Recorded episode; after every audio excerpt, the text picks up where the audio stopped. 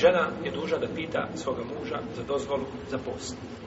Ako se radi o dobrovnom postu, a on prisutni.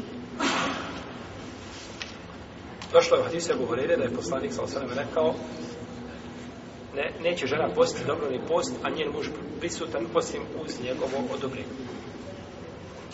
Zato što jednostavno muž ima pravo ovaj, na svoju suprugu a, u bilo koje vrijeme pa ponekad bi moglo, znači post bi mogao uzurpirati njegovo pravo, a, a njegovo pravo je vađib.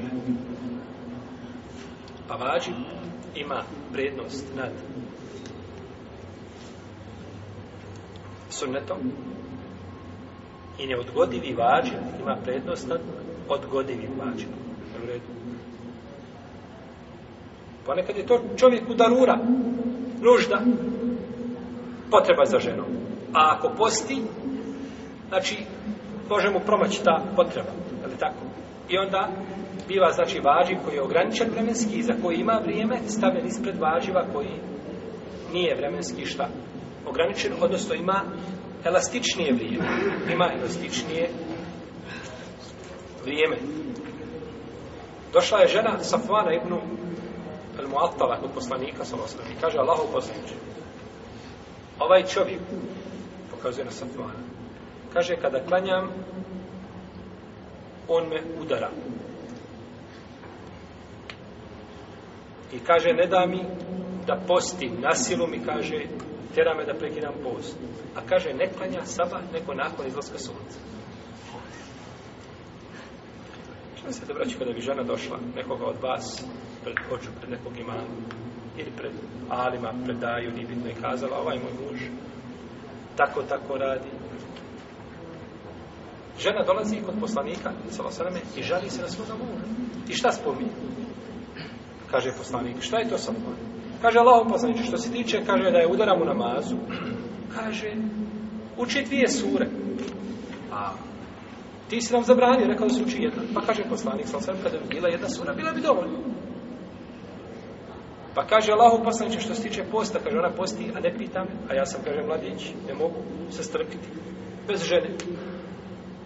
Pa je rekao poslanik, sal sam, neće žena postiti dobrovni post, a njen muž prisutan, osim uz njegovo šta, odobrenje. Pa ovo je, braćo, razlog zbog koga šta poslanik, sal sam, rekao, hadis. A šta ćeš da za sabah? kaže Allaho poslaniče, to je kod nas tako. U našoj porodici ne može se niko probuditi. Mi smo takvi ljudi. Znači ima ljudi koji te zaspe pred sabah. Možeš ga okačiti onim ga kranom, dići gore. Da visi, on će hrkati dok se ne naspava. Znači nema kod njega, ne može se, jednostavno čovjek se ne može probuditi. E tako on braćo je, takav klanja namaz, kada? Kada se probuditi samo ovo moram pojasniti. da ne bi ljudi paljali sabah nakon izlaska sunca. Znači, ko nakon što postavi sebi, znači sat, podesi sebi sat, i kaže suprozi da ga probudi. Uzme sve dunjalučke uzroke.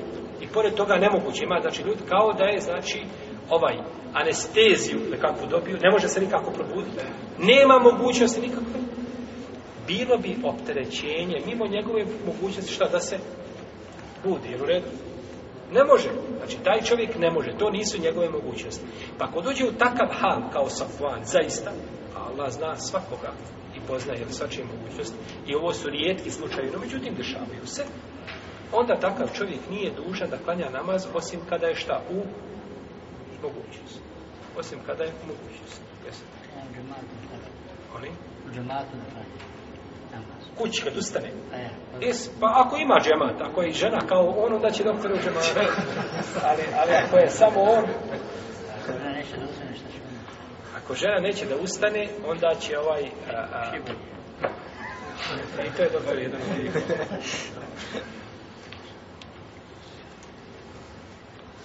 A ako je muž odsutan dozvoljeno ženi, znači da posti bez razilaženja i ne treba tu njegov, njegova dozvola. Ti si odsutan i njoj ne, nemaš je pravo braniti da posti, ona znači ima pravo da i bade tim mimo tvoga, jer time nije znači uh, uskratila tvoje pravo i nije uzorpirala tvoj hak, pa ima pravo znači žena da posti bez dozvole muža u tom slučaju.